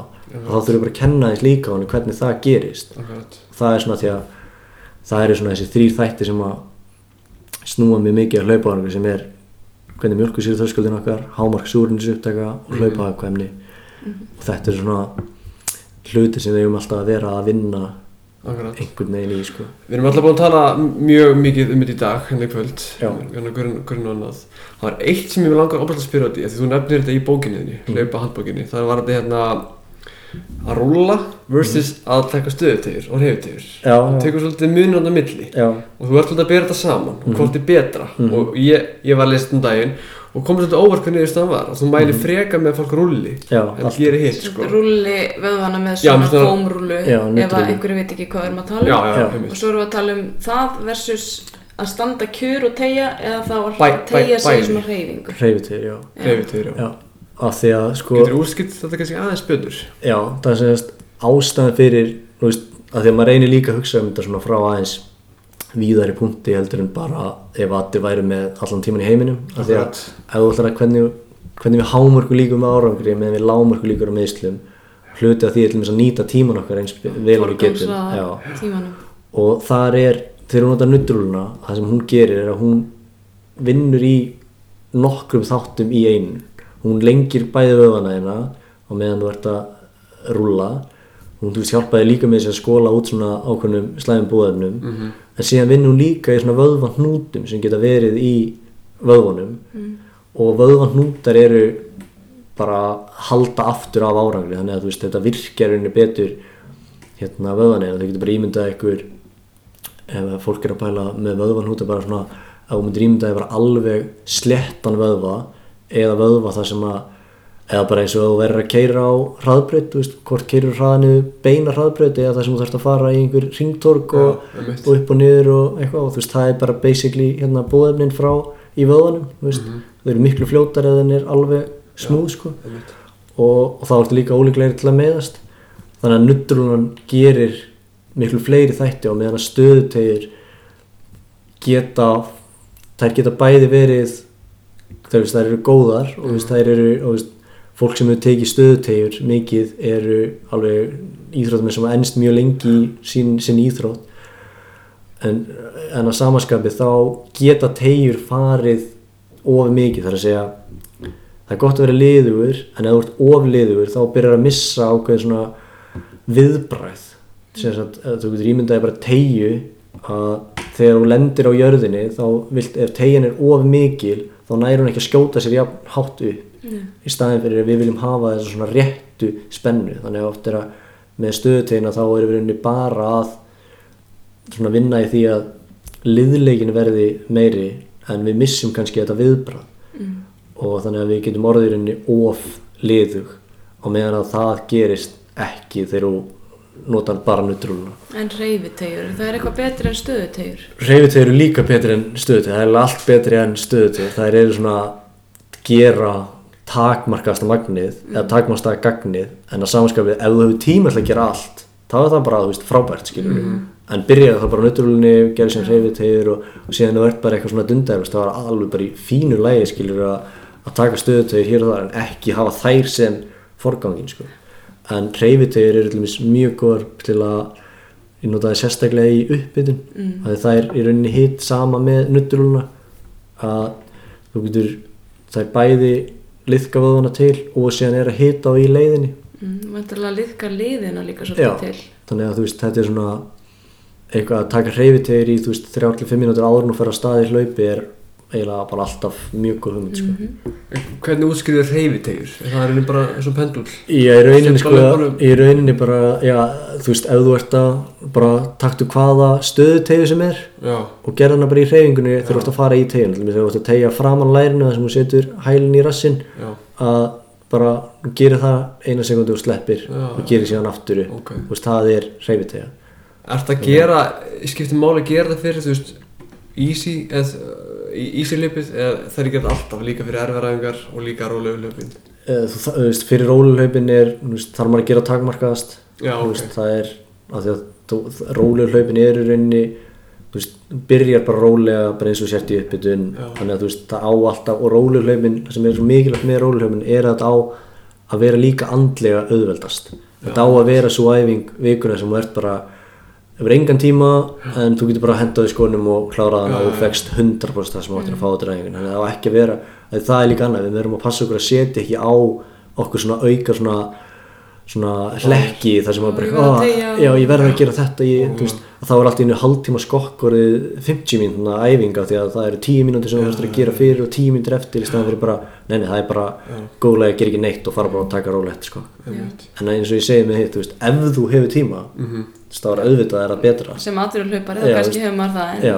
það eru ekki margir sem eru það á Íslandi. Nei, og þannig maður þarf að taka þetta inn í, þú veist, eins og með allt, þú veist, bæðið sem ég er að þegar ég er að setja inn í hlaupa handbókina að það sé eitthvað sem að hinn almenni hlaupari getur tekið að sér, af því að þú veist, eins og ég, það sem er í þessar hlaupahandbók er sko að stæstum hluta frá það sem ég hef lært svona frá bestu hlaupa þjálfurum í heiminum, Já. hvernig þeir eru að gera þetta, Mhm. hvað er á bakvið þeirra þeir eru að gera, hvað bestu hlaupararnir er að gera, hvernig Já. þeir eru að gera þetta og síðan er svolítið að þú veist, er kannski svona 10% sem kemur svona direktli frá mér já, og það er skilur hvernig aðlæðir þetta að einhverjum eins og mér hvernig aðlæðir þetta síðan að einhverjum eins og bara öllum sem eru að hlaupa venjulega manni sko. Er þetta, er ekki, ekki hugsað sem hérna, uh, bók handa mér Nei. en þetta er hugsað sem svona hver sem er ætti að geta lesið þetta og svona átt að sjá svona þessum grundvallarreglum hvað skiptir máli, hvað skiptir ekki máli Ok. og svona hvernig þú getur síðan aðlaða þetta yfir á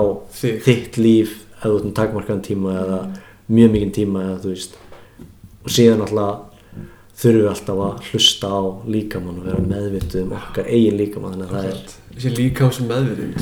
það er bara það stærsta og líka besta því að þú veist, það er líka hjálpar manni að komast í svona flæði og komast í moment í hlaupinu og bara svona vera viðstættur á æfingunni sem verður því að þá ertu kannski allt, allt inn að pæla bara ok, vá, hvað mér liði vel núna og ok, mér liði ekki alls sérstaklega vel núna en þú veist, bara svona að vera inn í þessu flói og vera svona æfingin verður, hún verður allt öðruvísi svona. Þá leikum við, sko getur maður ekki hlust á tónlist af því að maður er svo mikið að með, vera meðvitað um sjálfa Já. sig og það sem þetta gerir síðan ótrúlega mikið er síðan þegar þú kemur inn í hlaup að þú átt að geta þér inn í hlaupið skilur marathonlaup, 10 km, hvaða hlaup sem er án þess að vera með einhverja klukku eða peysa eða hvað.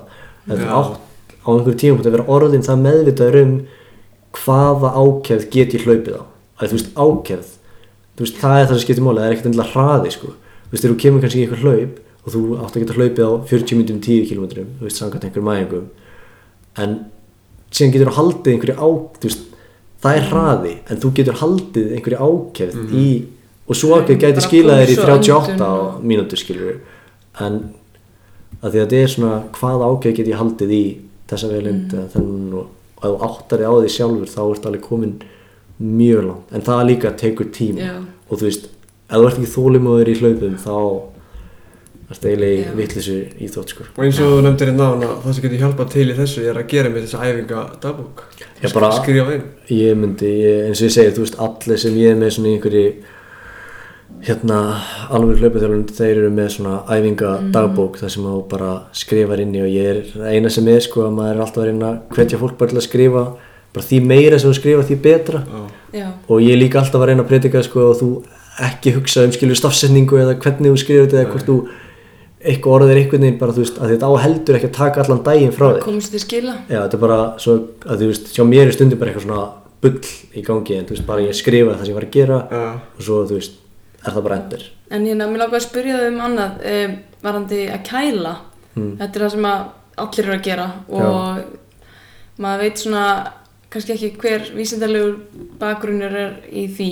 Hva, hvert er þitt álit á að kæla eftir eða, eða í tengslum við meðsli og svona heldur að það hafa einhvern árangur fyrir okkur sem hlaupara? Já, það er hægt að líta, þú veist, það er komið svona rannsóknir og hérna, og menn sagt að þetta hafi, þú veist, engin áhrif og það er engin hérna teljandi áhrif sem er af þessu og, og en það sem að maður getur síðan litið á og ég lít alltaf miklu frekar á ef ég er að skoða eitthvað í sambandi við hlaup eða bara íþróttir yfir höfuð er í rauninni hvað eru þessi best að gera, hvað hafa þeir verið að gera og sérstaklega hvað, hvað gerur þeir sem er endast lengst í þessu. Og þeir sem hafa ennst lengst í þessu þeir hafa nota kæluböð til dæmis mjög mikið.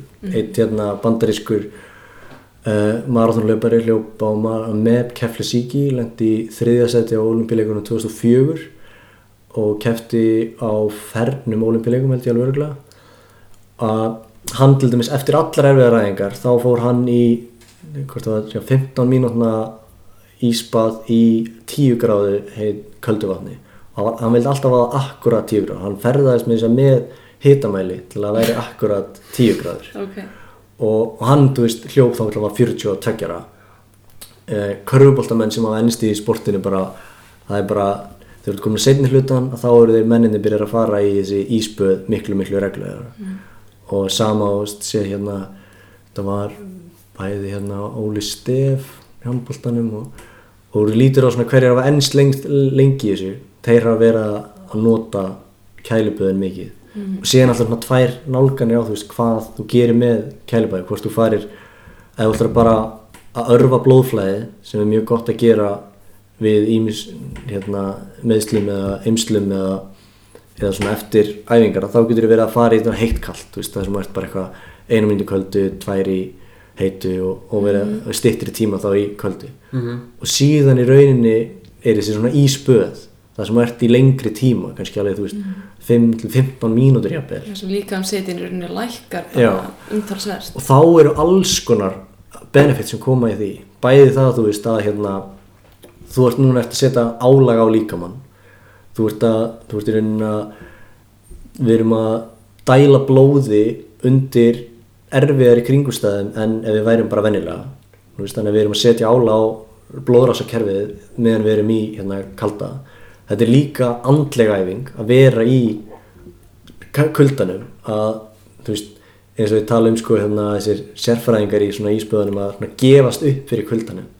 Og það er líka svolítið svona að því að kuldin lætur við fá sársöka á sársöki er bara taugabóð og þú ert bara svona að komast yfir það og, og fá svona ákveðin yfirvegin í þessu og, og svo er það annan með því að fara allir með sér lokin og íspæði að fara þá allur undir Já, og, og það er ann, önnur æfing sem er svona að að þjálfa sjokkkerfi í líkamanum sem þú getur líka að þjálfa bara með því að fara þú veist, þarf ekki að fara allir onni sko, ég er ekki veist, endilega að fara að hvetja fólk bara stökk út í sjóin hérna og fá, fá eitthvað, að veist, það sem getur gerst er að fólk dettur sem sagt, út í sjó á skipum er það sem gerist átt að fólk fer í það mikið sjokk að það í rauninni næri ekki að synda að halda þessu lofti og það bara deyr Já.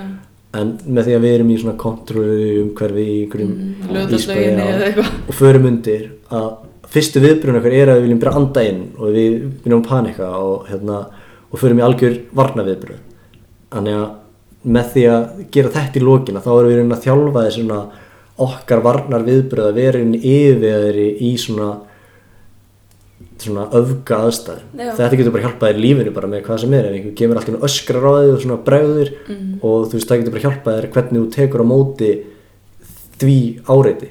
Já, þannig að þú veist fyrir mér eru bara hérna mjög margar ástæðurinni fyrir því af hverju að fara í ísbað. Já, þú veist í, í versta falli er það að gera allt að þarna ef þetta er ekki skilur að hjálpa mér í hérna endurheimt og hérna. að þjálfa hausinn og, og líka bara, þú veist, endorfínin sem koma í framhaldinu. Já. þú veist, ég hef alltaf litað þessu þannig að, að, hvort sem þetta er benefit fyrir hlaupin eða ekki, þá er þetta benefit á okkur annan hátt, og síðan þetta samt að passaði með annað þú veist, er að þú veist, ef við erum búin að taka mjög erfið æfingu að þá að þá að fara í sem bað en að passa að fara ekki endilega í sko ofkalt af því að við viljum sem sagt bólgurnar byrja að myndast eftir æfinguna förum í ísbæði og minkum bólgurnar en við viljum ekki sko kæla okkur það mikið niður að skilur að blóðflæði get ekki haldið áfram að koma inn í vöðvanni til að laga það. Þannig að það er kannski meiri skadi í rauninni er mjög góð rútin að fara í skiluru kalpað og síðan hérna fara í það sem ég er rauninni að gera fara síðan í svona compression eða compression fatnað sem að svona örvar þá blóðflæði aftur inn Já, ok. þá ertu búin að kæla og síðan ertu að örva blóðflæði aftur inn með compression fatnaði Hvað ertu lengi í bóttunum þú ferði kalda? ég, það er alveg svona 5 til 15 mínúti sko Já, og ég reynd og ég, þú veist þess að ég segi, þú veist, með allt þú veist, bara svona þegar þú ert með þegar þú þjálfa líkasmeðunum þína að hlusta á líkamann Já. þá ger ég þetta líka, þú veist, þegar ég er í gufu Já. eða kaldapott að þá er ég mjög bara duglegur að hlusta hvena líkamann að segja mér að þú veist, þetta er orðið gott. Þetta er, þú getur líka tekið þetta inn á sko styrtaræðingar, þú veist, ég er að taka magaæðingar ef þú finnur engan bruna í maganum eða eitthvað, Já. þú veist, þá ertu ekki búin að taka nógu margar endurtegningar þú þarfst að finna smá bruna þá tegur kannski 2-3 viðbót og þá ertu búinn. Það er ekki, þú finnur ekki brunan og heldur áfram þá að þú veist, þú líður yfir þig. Þú bara gerir nokkra viðbót þá ertu að fá áhrifin. Sama með allmis út í köldum potti að þegar þú byrjar að finna stingin koma alveg svona stert í þig að þá kannski ertu bara svona í 30 sekundur viðbót og svo ertu búinn. Þú býður ekki eftir að skilur að lappinar að byrja að blána og detta af skilur Já, einmitt. Það er, þú veist, þannig ertu að finna já, ok, það er einhver viðbröð að gerast í líkaðanum það er eitthvað að gerast í líkaðanum Mm. smá stundu lengur og fer síðan upp úr. Hérna, eitt af því við erum komin í sundlegarnar, ég sé á Insta-storyinu hér að þú fyrir mjög oft í gufu, eða sund, já, Og- gufu, og það er breiðarsluðin, já, og það þú er, ert mikið þar. Já, þetta er Hvað hva, hva er gera það? Er hún, hún, er þetta er góð? já, ég meina, eh, frí auðlýsing hérna á breiðarsluðin. já, hún er bara langt besta gufan Já. veist, bestu gufunar eru reyndar í félagsheimilunum svona hjá svona mjög góð gufan í hérna smáranum fín gufa í laugadalshöllinni en bara Já, flestar þar, gufur er ekki nógu heitar Já, ég skil, já. að hérna að þessi gufa er alveg nógu heit, veist, hún er oft í 90 rúmum 90 gráðum sem þú vilt svona vera í Já, til að fá þessi svona áhrif úr gufinni og það er leiðilegt reyndar hún er kynjaskipt þannig að maður er alltaf bara með hérna með einhverjum hel ferskum köllum ég. Já, það er- eru ymsar skemmtilegar umræðir sem að myndast annars sko. en ég fer bara í gufu og síðan upp úr sko. en það er hérna ok. Þannig að það er Já, eitthvað sem- það. Já, ég, Er þetta svona hita þjálfun fyrir þið bara? þetta er í rauninni bara í rauninni auka álag án þess að setja högg á líkana þegar þegar þú fer í gufu bæði ertu náttúrulega að þjálfa bara æðakerfið og sveitakerfið en sem gerist líka er að hjarta þér fer upp í púls sem er mjög svipar og þú ert í rólegu skokki mm. þannig að þú ert í rauninni að þjálfa hjarta á þér eins og væri að hlaupa á rólegu skokki þannig eins og með æfingardagbókina ef ég fer í 20 myndir í gufu segjum að ég hlaupi rólega skokki mitt á 5 minútur með kílómetrin að þá setjum fjóra kílómetra inn í æfingardagbókina eins og ég hafi verið að hlaupa Já, fjóra kílómetra. Já, að þetta er álag á líkamann og ef ég myndi taka viku þar sem ég myndi ekki taka gufuna svo vika er auðveldur heldur en gufan heldur vikan sem ég er með gufuna inni. Þannig að þú veist, við viljum alltaf meta þetta álag. Þess vegna segir með sko hámas áranguslínuna að það meti við álag en ekki já. þú veist ekki bara hlaupna kílómetra eins og það er mælieiningin okkar Mm. að ef við gerum mest að því að hlaupa þá er mælieiningin kílómetrar akkurat. þannig að þú veist og getur farið í svona þess vegna þú veist nota ég í rauninni kílómetra sem mælieininguna á til dæmis ég veist ég gæti líka verið að sem ég verið að nota mínútur sem álag mælinguna þá myndi ég bara setja gufu 20 mínútur þá myndi það bara fara inn sem já, 20 já, mínútur þá væri kannski þú veist þúsund, æfing, þúsund mínútur eitthvað í vikunni eða eitthvað Já, já, einmitt. Já, það er sniðt. þannig að þú veist þetta telur allt og þetta er bara svona auka álag án þess að setja höggin á lappirnar þannig að þetta þú veist og bæði hjálpa líka með svona endurheimt og þetta þú veist rannsóknar að sýnda að þú hérna þeir sem að fara í gufu þú veist þeir hérna þú veist formið er að bætist þú veist bara allir líffræðilegi þættir skilur verða betri bara Ok. svona og Ekki nóg bara fyrir heitabotninu. Nei, veist, það er í rauninni, þetta var eins og sko að það er einmitt ekki, ég myndi það sama þú veist, þar fer ekki púlsinn það sama og gerist ekki í sömu hlutinni sko. þetta er út um allt þar og það var, þar, sko. þetta var bara eins og ef þú myndi vera að hlaupa fjóru sinni í viku það basically getur tekið rannsóna sem að annar hópurinn myndi fara uh, þrjóðsasinnum eða fjóru sinni í viku í 30 mínútur í gufi og hinn hópurinn myndi hlaupa fjóru sinni í viku í 30 mínútur Mm. og þau myndi fá mjög svipaða Ok. áhrif Það verður gaman að sjá svona rannsóknir. Já, þú veist, ég bara mæli með einhverjir hérna í íþrótafræði að taka hérna tvo hópa og láta annan hreyfa sig með því að hlaupa og hinn sitir bara í gufu og sjá hvað gerist fyrir svona hérna líffræðilega þætti sko því að það hérna myndi allt vera að vísa í rétta átt En hérna, vá, við erum búin að, sko, ég veit þú trúir ég kannski ekki, við erum búin að tala saman alveg svakalega lengi. Ég held að við gætum alveg verið henni allt kvöld og örgulega halda áfram á morgun. að Það er mjög margt sem ég langar að tala um meira í tengslu við meðsli en, en að kannski náum við ekki öllu á, í einu þætti. Nei, Ég var að hugsa, það er eitt þáttur sem að svona, ég held að sé mjög mikilvægur og það er þetta, þú varst að tala um áðan stress mhm, og ég líka hugsa um svona andlegt álag, andlega líðan. já, Heldur þú að það sé eitthvað sem maður getur valdið meðslum ef mann líður illa andlega? bara rosalega mikið þess vegna einmitt segi ég sko einmitt í æfingardagbókinni við fólk að skrifa hvernig líður Mm.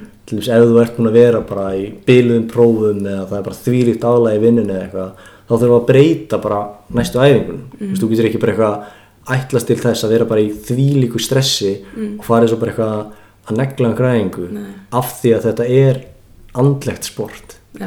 hlaup eru andlið það er ástæður að tala um bara ef maður missir hausin í marathon þá bara er hlaup búið sko.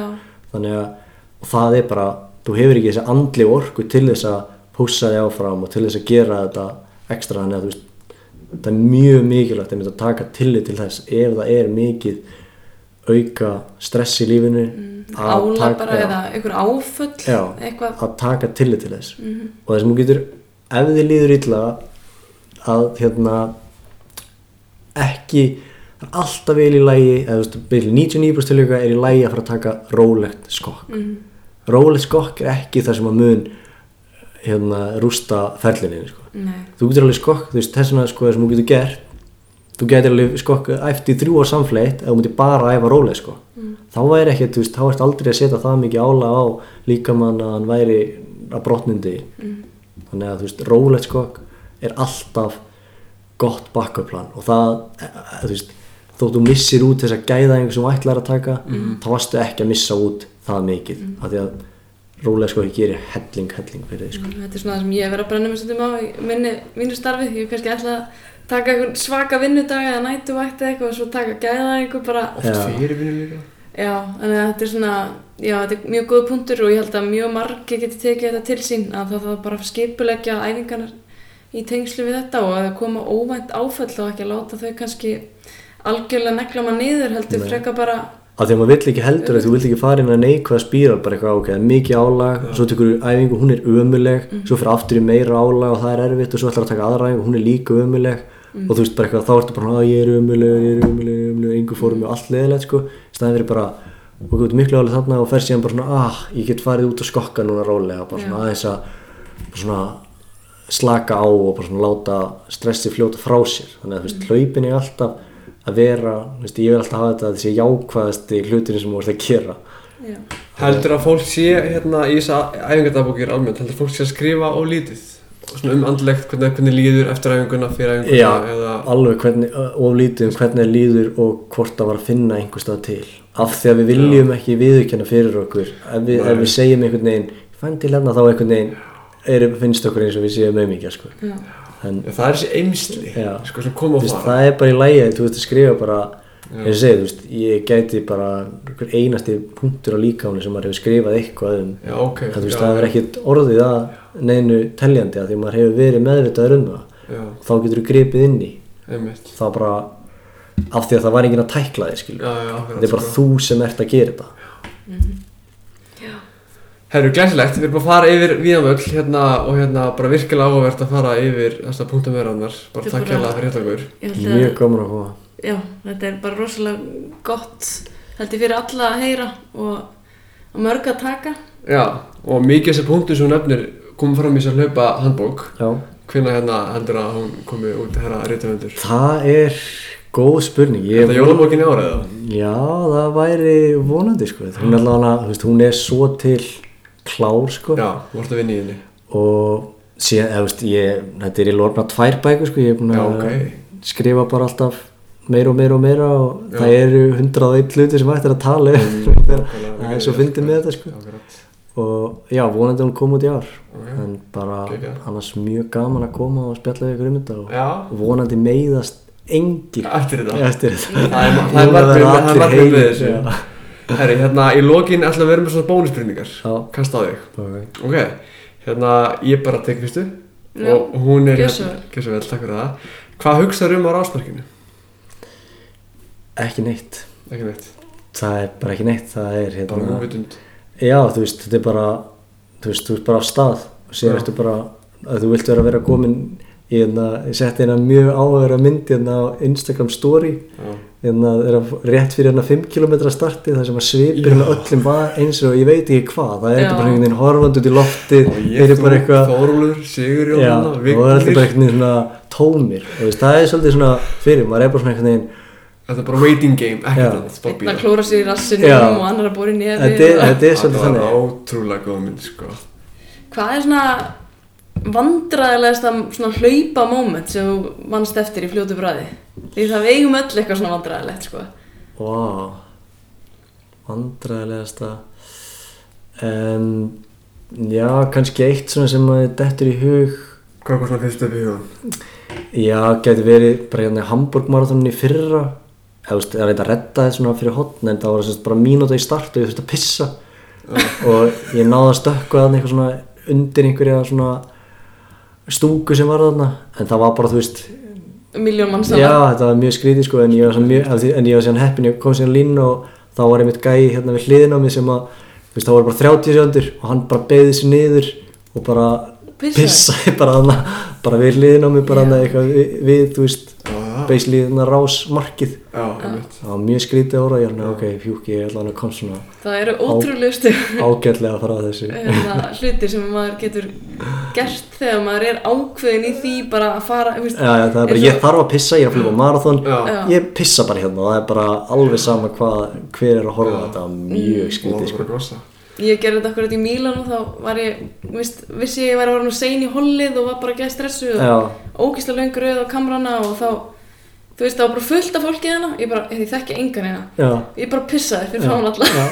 bara, þú veist, Gekk bara vel. Já já. Ég bara, æ, mér alveg sem að sáum allir pissaði einhvern veginn skiptir ekki einu máli í þessum aðstæðum. Já. og engin mann eitthvað einhvern veginn eftir Nei, bara ég veist bara Neini. Allir bara reyndar, og maður er í reyndar skilningaríkasta umhverfi sem hún getur verið að- Já, að pissa fyrir frá fólk með að dæma í drekka. þetta. Já, það var ekki Þetta ráð gerir. Herru, næst síðast spurningin. Hérna, uppáháls hlaupakeppnin wow, Þetta er svona bæði bara lokal en eða þú veist, mér og eru bara hvaða hlaup á Íslandi eða, Já, já. eða svona sem maður hefur hlaupið í. Mætti líka að lefna eitthvað, eitthvað undan sko, er eitthvað sem svona eitt sem er svona númer og uno hjá þér? Þarf ekki að vera hlaup sem þú hefur farið í það geti verið eitthvað draumarhlaup Já, sko, skemmtilegustu hlaupin sem ég hef hlaupið í eru alltaf hérna á heimsmeistaramótinni í hálfumaratoni.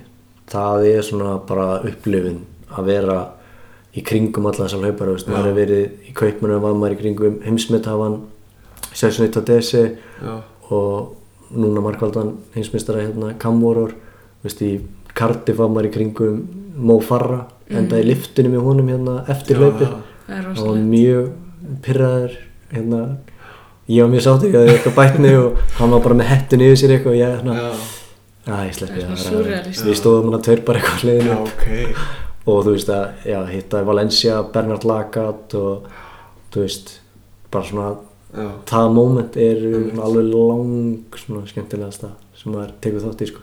Líka því að það var líka eitt geðvikt þar sko allir í uppbytun og þú veist að vera að hita upp að það með Ethiopíu og Kenya og allir þessum að þá hef ég alltaf tekið mig sko hérna hlaupið fram, hjá, fram úr þeim. Veist, við erum í uppbytun, þeir eru bara að hlaupa eitthvað skilur rólega þannig, þess að ég bara þessi tilfinning að hlaupa á, þú veist, að taka fram úr hérna, já, bestu hlaupurinn í svona, sælir, en ég er bara hitt upp og ekki líka hitt upp, já, ok. alltaf góð mikið betur. Já. Og hérna næ- næsta keppni er í næsta árið ekki? HM í hálfu? Jú, það er einmitt, ég hljóp í brautinni núna í Gdynia í Pólandi er, ég vissi ekki að það væri brautin sko sem það væri en hérna ég hljóp hóltmarathon hún, er, hún er krefjandi sko, hún er ekki Ok. bara langt frá því sko, maður hleypir alveg upp á fjall. Ó, já, þetta er frekar já, bara þetta er ekkit sérstök braut sko, bara alls ekki sko Ok. og svo hleypir maður aftur niður náttúrulega og, þannig að það var, og það var líka gæðvitt að fá að hlaupa með og kynnast hérna Sondri Móin hérna ma marathonleipar frá Nóri sem Já. hérna hljóp 2.05.47 held ég ok, og geggjað Loka spurningin, ég ætla bara að koma með hana uh, Bestu minningar frá hlaupunum? Mm, Svona stóra spyrir þetta er bara Þetta búið eitthvað. Hraða spurningar besta sem þú eru upplifað. Það hvað kemur fyrst í fyrir? Það svona besta Já, bestu minningar, það er mjög auðvelt í rauninni sko. það er hérna Reykjavík marathonið Já, þegar að ég fekk sem sagt uh, þetta var árið nú veist ég mann ekki hérna árið en 2000, jú, 2013 já. Var sól Er, já, eh, sól, Já. það var gaman. Það var hérna, þetta var sem ég fekk krampa í magan eftir 18 km ég hafði unnið árið áður og er bara eftir 80 km er að deyja. Og það var bara vest, ég, veist, ég stoppaði og reyndi að æla Já, og ok. gerist ekki neitt. En ég síðan held áfram að ég hef búin með hlaup, fyrir hlaupi var ég búin að segja þú veist að maður ætlaði eitthvað að gera góða hluti og eitthvað Já, og þú veist já, og, og fullt af hérna vinum og ættingi var komin út af brautina þannig ég bara, ég ætla að var ekki sensa að ég myndi hætta. Já, og ég bara held áfram og reyni bara að vera á þessum sársöka þröskuldsum mörgum bara, þú veist, Mhm. var að deyja í þú veist, eins og segi 30, 26 kilometra já, og eða 24 kilometri og hérna þegar það eru 5 km eftir þá er ég ennþá sko 1,5 mínútu á eftir gæjanum. Já. Og það er ekki fyrir bara það eru 200 metrar eftir að ég sé í hann og er að bomba á það bara í bara versta sársöku sem ég nokk til að upplifa bara. Fólk nú sá mig bara eitthvað þetta var eins og verið svona að horfa andsetin mann sko. Já, ok. En náði honum og mann á einni sekunda sem ég kemur í mark og svo dettur hann yfir línuna og ég eitthvað hann öskrandi kemur yfir línuna og, og síðan hérna þú veist, fólk er ennþá að koma að tala við mig sem var í brekkunni sko í Reykjavík og að horfa á það. Já, þegar það þetta kemur því það var bara byluð stemming, bara háfaði þú veist, að því að hann var ellendi frá, hérna, hann var Pólandi, ég ég var í Íslandi og ég var að koma hann og teka hann á endursprettinum og síðan var maður, síðan held ég að við eitt svona góðum 20 myndum grenjandi í markinu bara eitthvað svona knúsa mömmu og frængu þar og alla bara eitthvað og þú veist, þetta var svo mikið léttir og bara svona tilfinning og líka bara svona þetta, þú veist, sársökinni sem að, að þú veist, ég losnaði ekki við sársökinni fyrir sko tveimundum setna þetta var bara, þú veist, það var allt í ruggli okay. bara hertist allt saman þetta var bara fáralegt sko. En maður bara svona að vita að maður gat farið í gegnum þetta og haldið áfram að þetta var svona versta upplifin í hlaupi og besta upplifin í hlaupi á sama tíma sko, að klára þetta þannig að bara að ég, það er til mynda með þess að ég er svona öskrandi eitthvað og hann er hann að rinjandi yfir liggur bara svona að detta, hann er ekki lettur sko eins og þetta var bara það moment eiginlega verður held ég seint toppa bara. Gott svar, mjög gott svar. Já. Arnar, bara takk hérlega fyrir að koma. Bara virkilega, virkilega gaman að fá þig. Hérna, þú ert að fara til Svartfjallands eða þið tvö, hérna um helgina og keppa á smáðuleikunum Ekki þú. Æja, ég, ég, ég er ekki bara þú kemur eftir tvö ár. Takk fyrir mér með það, það er mín. Ég ætla bara að segja að gangi ég vel þar og gangi ég vel í þeim verkefni sem þú tekur að þér í sumar. Takk fyrir. Það Hérna, þú ert á Instagram og svona. Að bara- fylgjast með þér þar. Jú, ég undir uh, at Arnar Petur Arnar Pétur. ef, ef fólk vil sleppa því að meðast Já, nákvæmlega, kekka Látum þetta bara vera loka orðin Já, Er það ekki bara? Takk fyrir okkur. Já, takk fyrir þetta Hlaupalíf hlaðvarp er styrt af tvöfaldvaf, tvöfaldvaf, tvöfaldvaf .hlaup.com á samt ótal mörgum öðrum aðilum. Ef þú hefur áhuga á að komast í hóp þeirra fjölmörgu aðila sem styrkja okkur má benda á veffang okkar hlaupalíf.gmail.com og einnig er hægt að nálgast okkur gegnum fjesbókar síðuna facebook.com skástrík hlaupalíf. Það er ekki meira í byli, bless!